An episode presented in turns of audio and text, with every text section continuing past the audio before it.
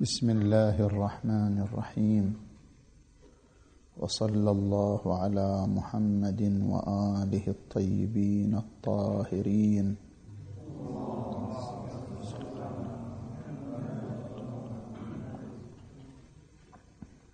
ما زلنا نتحدث حول نسبية الحقيقة. ووصلنا إلى الدليل الثاني الذي استدل به على نسبية الحقيقة. وقبل الدخول في بيان هذا الدليل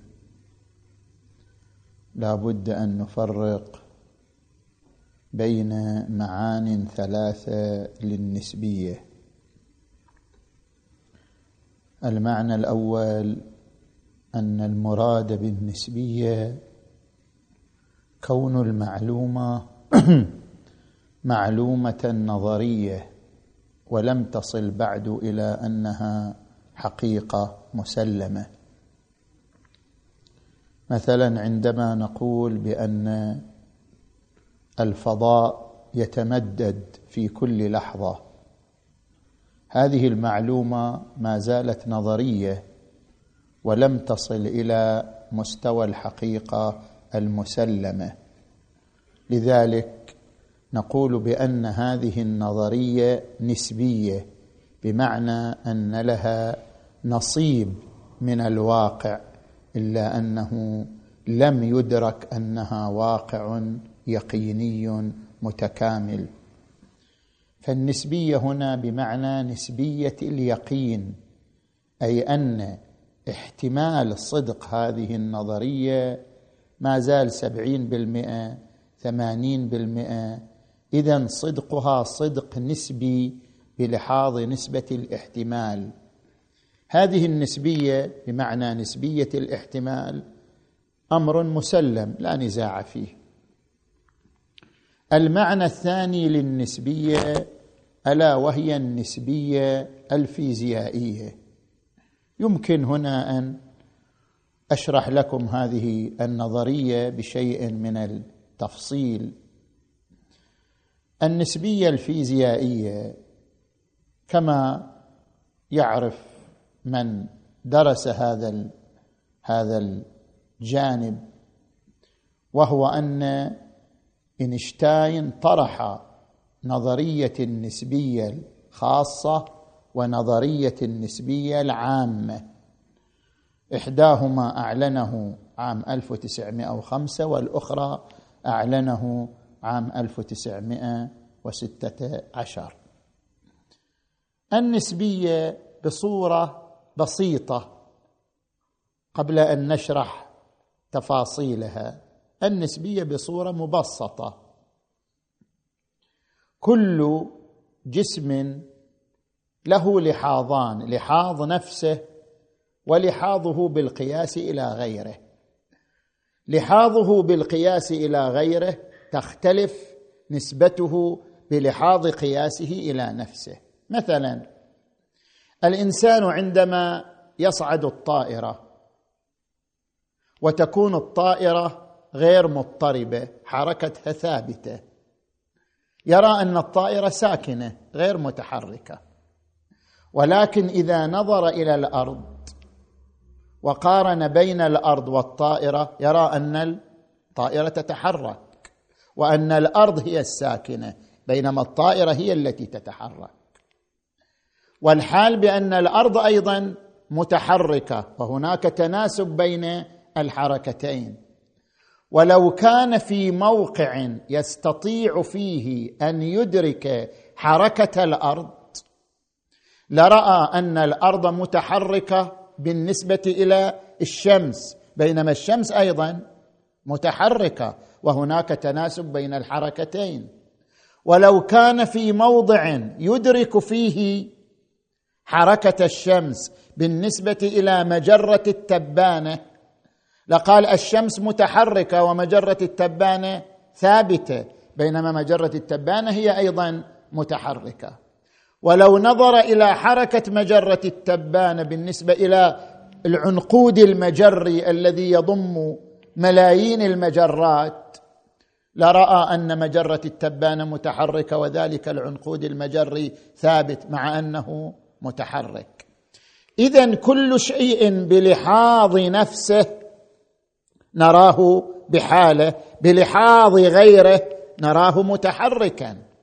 هذا معنى النسبية. أن الشيء يمكن أن يثبت له وصفان بالنسبة إلى قياسين. بالنسبة إلى قياس يتصف بوصف نقول هذه الأرض ساكنة. بالنسبة إلى قياس آخر نقول الأرض متحركة إذا لاحظناها بالنسبة إلى الشمس. هذه النسبية بمعناها البسيط. أما عندما نأتي إلى تحليل حقيقة النسبية فننظر إلى النسبية الخاصة اولا ثم ننظر إلى النسبية العامة.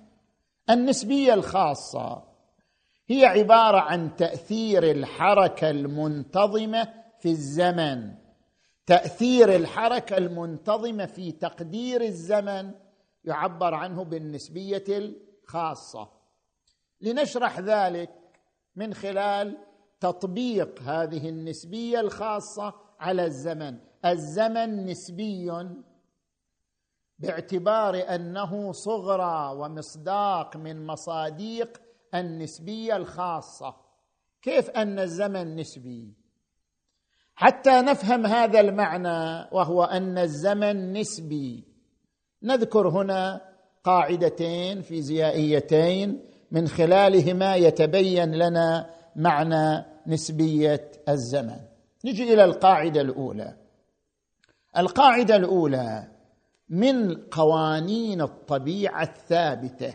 هذا قانون ثابت في الطبيعة. سرعة الضوء سرعة ثابتة. سرعة الضوء وحدة قياسية ثابتة. لا تتغير بتغير موضع المراقب لها. سرعة الضوء هي عبارة عن المسافة مقسومة على الزمن. الضوء هو شكل من الإشعاع الكهرومغناطيسي يقطع ثلاثمائة ألف كيلو متر تقريبا في الثانية الواحدة. هذه السرعة سرعة الضوء وحدة قياسية ثابتة. لا تتغير بتغير المراقب. كنت على سطح القمر كنت على الأرض كنت على الشمس سرعة الضوء هي ثابتة. سرعة الضوء عبارة عن ما يقطعه الضوء في الفراغ ثلاثمائة كيلو متر تقريبا في الثانية الواحدة. هذه وحدة قياسية ثابتة لا تتغير بتغير موضع المراقب. بينما نجي للزمن الزمن يتغير بتغير موضع المراقب. من يراقب الزمن؟ يتغير بعد الزمن بتغير موضع المراقب للزمن. هل أشرح لك ذلك بالمثال؟ لو كان أمامنا سيارتان سيارة تقطع مئة كيلو متر في الساعة سيارة تقطع مئة تقطع 150 كيلو متر في الساعة. أنا إذا كنت خارج السيارتين أدرك أن هذه تقطع 100 كيلو متر في الساعة هذه تقطع 150 كيلو متر في الساعة.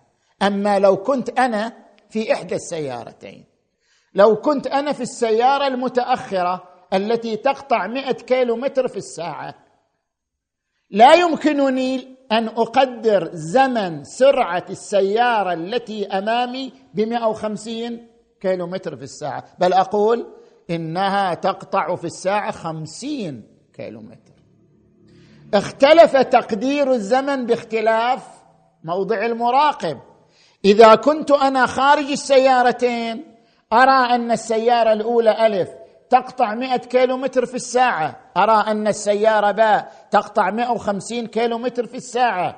بينما أنا إذا كنت في سيارة ألف وأردت أن أقدر زمن سرعة السيارة باء سوف أقدره بخمسين كيلو متر في الساعة وليس بمئة وخمسين كيلو متر في الساعة. إذا اختلف تقدير الزمن تبعا لاختلاف موضع المراقب للزمن. قلنا بينما سرعة الضوء لا تتغير بتغير موضع المراقب أما تقدير الزمن يختلف باختلاف موضع المراقب. لذلك بناء على ما يسمى بنسبية الزمن التي شرحناها بشكل بسيط ذكر إينشتاين معلومتين تترتبان على نسبية الزمن. المعلومة الأولى تداخل الزمن. إحنا ندرس في الفلسفة في الحوزة أن الزمن ما يتداخل. الزمن هو عبارة عن تموضع الحدث في نقطة زمنية معينة. كل حدث إلى نقطة زمنية معينة. الآن أنا الحرف الذي يصدر مني حدث. هذا الحدث يتموضع في نقطة زمنية معينة. ولأنه يتموضع في نقطة زمنية معينة. لا يكون ازليا يعني لا بداية له ولا يكون ابديا بل يتأطر بتلك النقطة الزمنية المعينة. ولأجل ذلك فالحدث لا ينبسط على الأزمنة الثلاثة. فلسفيا ما يصير الحدث هو ماضي وهو مضارع وهو مستقبل. ما يصير. الحدث لا ينبسط على الأزمنة الثلاثة. لما؟ لأن له تموضعا في نقطة زمنية معينة لا يتجاوزها. هذا فلسفيا هكذا. بينما النظرية الفيزيائية تقول لا. ابدا. الزمن يتداخل. من الذي يقول بأن الحدث لا ينبسط على الزمن؟ الزمن يتداخل. مثلا لو كان هناك شخص مثلا بل في المريخ ونحن على الأرض بيننا وبينه مسافة عشر دقائق. حينئذ مسافة عشر دقائق بحسب شنو؟ سرعة الضوء. بحسب سرعة الضوء مثلا بيننا وبين المريخ عشر دقائق. افترض ذاك يتحرك فوق سطح المريخ. حركته تصل إلينا شنو؟ بعد عشر دقائق من وقوعها. بعد عشر دقائق بالنسبة لنا حركة من على المريخ حاضر. بينما هي بالنسبة له ماضي صارت قبل عشر دقائق. اذا الزمن تداخل. نفس هذه الحركة بلحاظ موضع هي حاضر بلحاظ موضع هي ماضي. ولذلك نقول بأن موقع النجم هذا النجم الذي نراه الآن هذا ليس موقعه الآن. هذا موقعه قبل أربعمائة مثلا مليون سنة ضوئية هذا موقعه. أما موقعه الآن فالله العالم أين أين يكون؟ إذا بالنتيجة نظرية تداخل الزمن هي مترتبة على نسبية الزمن لأن الزمن بعد نسبي لذلك يتداخل. هذا مثلا معلومة ذكرها أينشتاين. المعلومة الأخرى أن سائر المعلومات في الكون تصلنا عبر الزمن. ما تخوب تصلنا عبر سرعة الضوء. سرعة الضوء لا يمكن للإنسان أن يتجاوزها وإلا لانعدم الزمن. لا يمكن للإنسان أن يسبقها. يعني مثلا إنسان يركب مركبة فضائية يقدر يسبق ضوء المركبة ابدا بل لا يمكن أن يتسابق مع ضوء المركبة. إنما الزمن هو الذي يمكن أن تعبر من خلاله المعلومة. وتصلنا من خلاله المعلومة. لاحظوا مثلا. يقول إينشتاين لو حدث حدث في القمر يصلنا بعد دقيقة ونصف لأن هي المسافة بيننا وبين القمر. لو حصل حدث في الشمس يصلنا بعد ثمان دقائق هي المسافة بيننا وبينها سرعة الضوء. لو حصل حدث مثلا في مجرة درب التبانة في مركز مجرة درب التبانة يصلنا بعد خمسين ألف سنة. المعلومة لا تصلنا إلا عبر الزمن وبمقدار الزمن ولأجل ذلك كل هذه الآثار تترتب على نسبية الزمن. هذه القاعدة الأولى. وهي المقارنة بين سرعة الضوء وسرعة الزمن. تقدير الضوء وتقدير الزمن. تقدير الضوء ثابت تقدير الزمن متغير. نجي إلى القاعدة الثانية. كل إطار بحسب تعبير الفيزيائيين كل إطار مرجعي قصوري له قوانين فيزيائية ثابتة. الأرض إطار مرجعي إلى قوانين فيزيائية ثابتة. المجموعة الشمسية إطار مرجعي لها قوانين فيزيائية ثابتة. مجره درب التبانة إطار مرجعي له قوانين فيزيائية ثابتة. الوزن بعد يختلف باختلاف الإطار المرجعي. وزني على الأرض ستين كيلو. طبعا أنا وزني سبعين كيلو مو ستين كيلو. وزني على الأرض ستين كيلو. نفس هذا وزني لو أصعد إلى سطح القمر يكون وزني عشرة كيلو. ما تغير جسمي. تغير الإطار المرجعي. نتيجة لتغير إطار المرجعي يختلف هذا البعد ألا وهو الوزن. الكيلو من الرز هذا الكيلو من الرز خارج الماء أثقل منه داخل الماء. هو كيلو من الرز ما يتغير إنما تغير الإطار المرجعي. فكما أن بعد الوزن يتغير بتغير الإطار المرجعي له كذلك الزمن يتغير بتغير موضع المراقب لهذا الزمن الذي يقوم بتقديره وحسابه. هذا ما يسمى بالنسبية الخاصة تأثير الحركة المنتظمة على تقدير الزمن. هذه النسبية الخاصة. النسبية العامة هي تأثيرات إضافية مو فقط تأثير الحركة على الزمن تأثيرات إضافية أخرى أيضا على تقدير الزمن. مثل شنو؟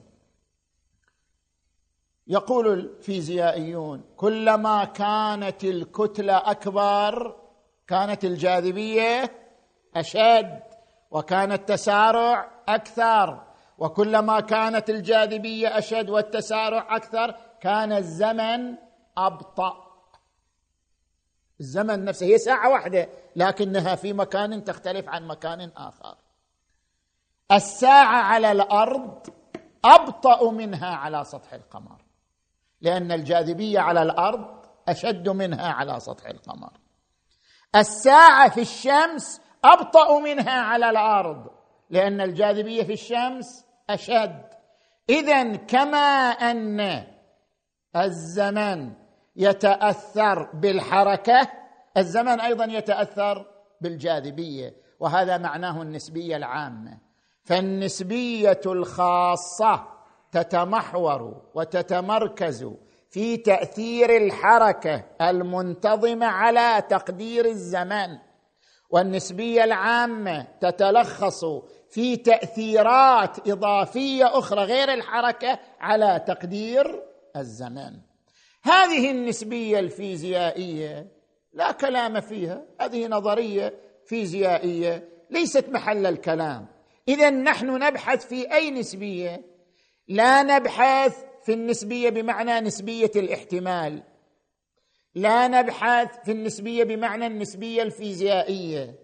وإنما نبحث عن النسبية نسبية الحقيقة بمعنى هل الحقيقة في ذاتها مع قطع النظر عن إدراكنا لها هي نسبية أم لا؟ هذا هو محل الكلام. عندما نقول نسبية الحقيقة هل الحقيقة نسبية أم لا؟ معناه أن الحقيقة في حد ذاتها حقيقة كل شيء. هل يمكن أن تكون في حد ذاتها نسبية؟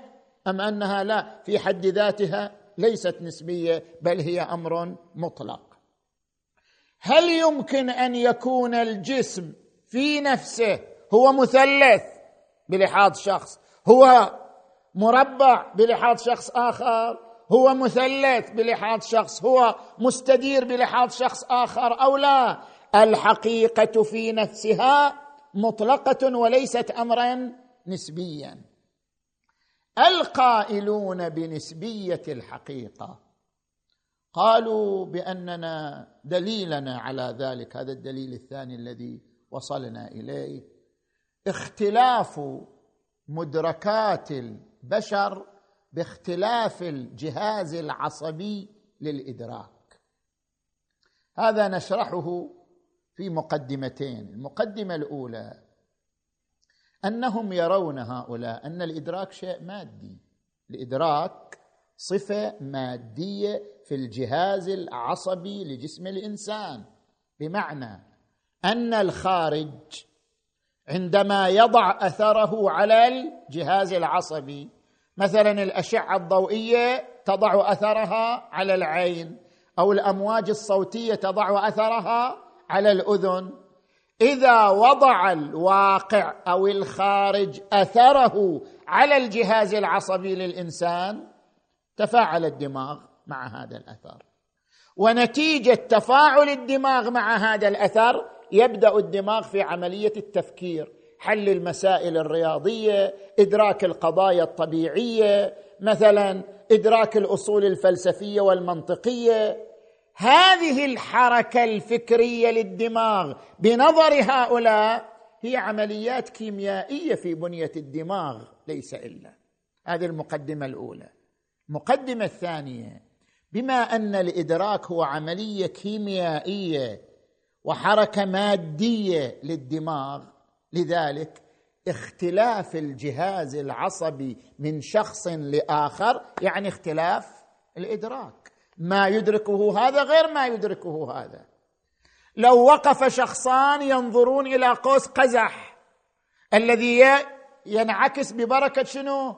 أشعة الشمس. ربما هذا يرى قوس قزح بثلاثة ألوان ذاك يرى قوس قزح بخمسة ألوان. إذا قايسنا الإنسان مع بعض الحيوانات الإنسان يدرك سبعة ألوان أساسية يتفرع عليها ألوان أخرى. بينما بعض الحيوانات يدرك الأشياء كلها بلون رمادي. مثل ما إنسان عنده عمل ألوان مثلا يدرك الأشياء بلون رمادي. اذا يقولون الشيء اختلف إدراكه باختلاف الجهاز العصبي من بشر إلى آخر. ثانيا نفس الأشياء الطبيعية. الأشياء الطبيعية بما أنها تتغير بتغير الظروف الزمانية والمكانية.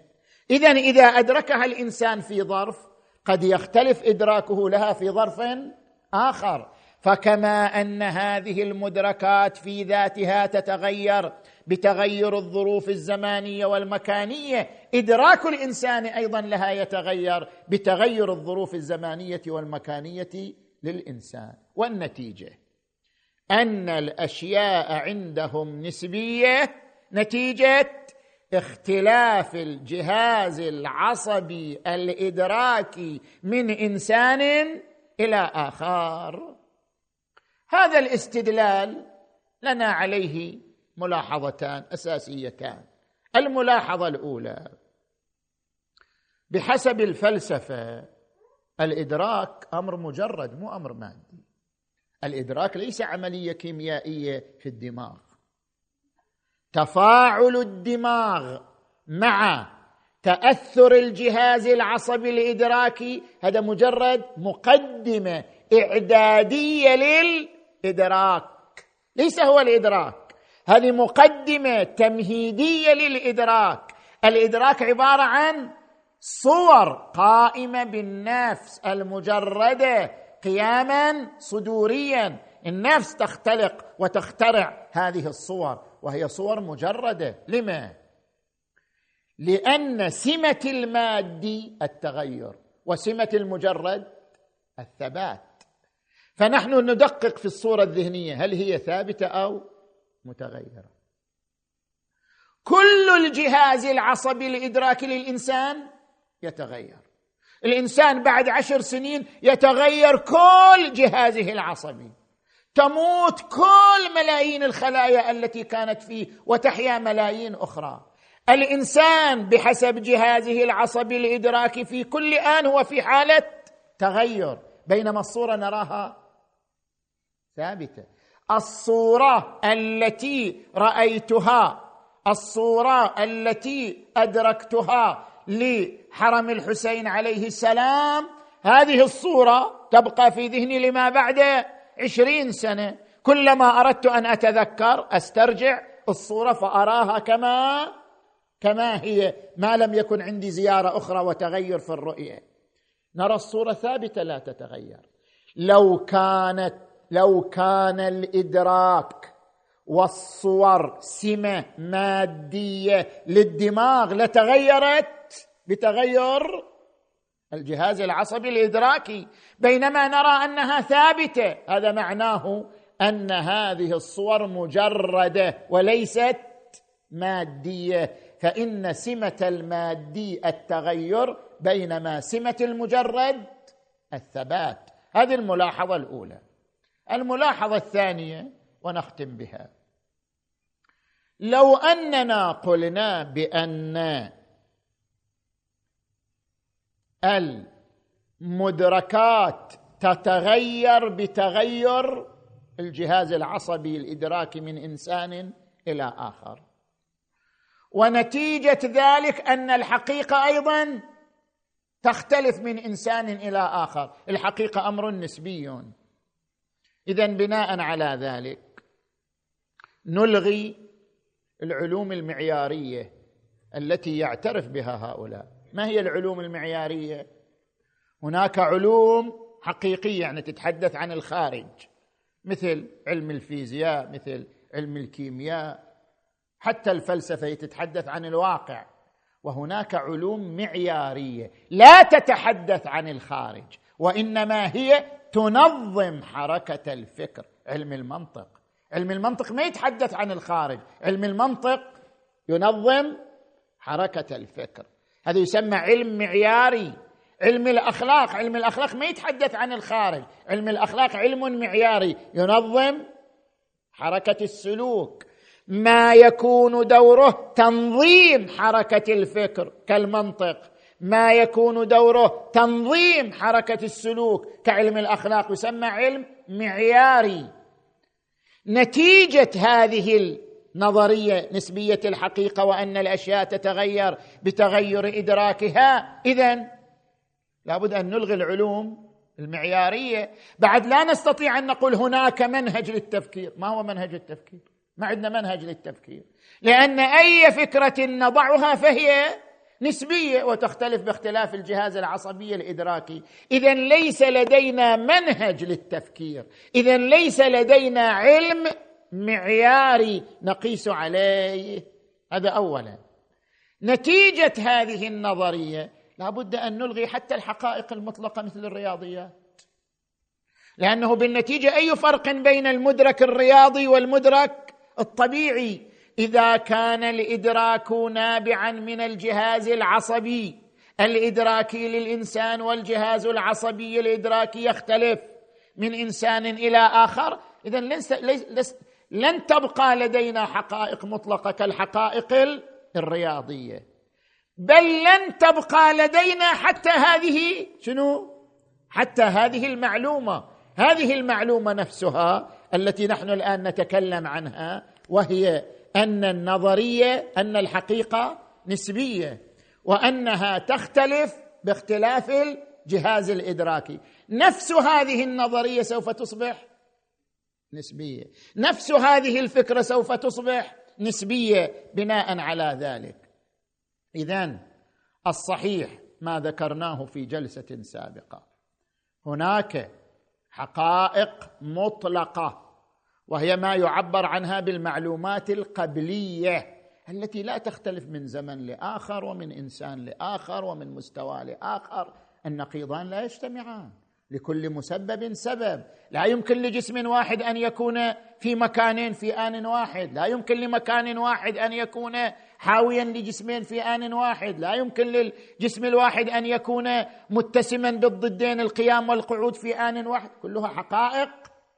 مطلقة. لما؟ لأن الذهن يدركها مجردا عن أي عامل خارجي ولا تختلف هذه المدركات باختلاف الأزمنة ولا باختلاف المجتمعات. وهناك حقائق طبيعية تختلف باختلاف الإدراك. هذا صحيح. إلا أن نسبية الإدراك شيء ونسبية الواقع شيء آخر. فهناك خلط بين نسبية الإدراك ونسبية الواقع. نعم الإدراك نسبي. أنا وأنت لا ندرك النبوة بنسبة واحدة. أنا وأنت لا ندرك مقام الامامه بنسبة واحدة. أنا وأنت لا ندرك وجود الله بنسبة واحدة. كل يدرك بمقدار تأمله. كل يقدر بمقدار فهمه. نسبية الإدراك شيء والواقع المدرك شيء آخر. الواقع المدرك مطلق إنما النسبية في إدراكه. والحمد لله رب العالمين والصلاة والسلام على محمد وآله الطيبين الطاهرين.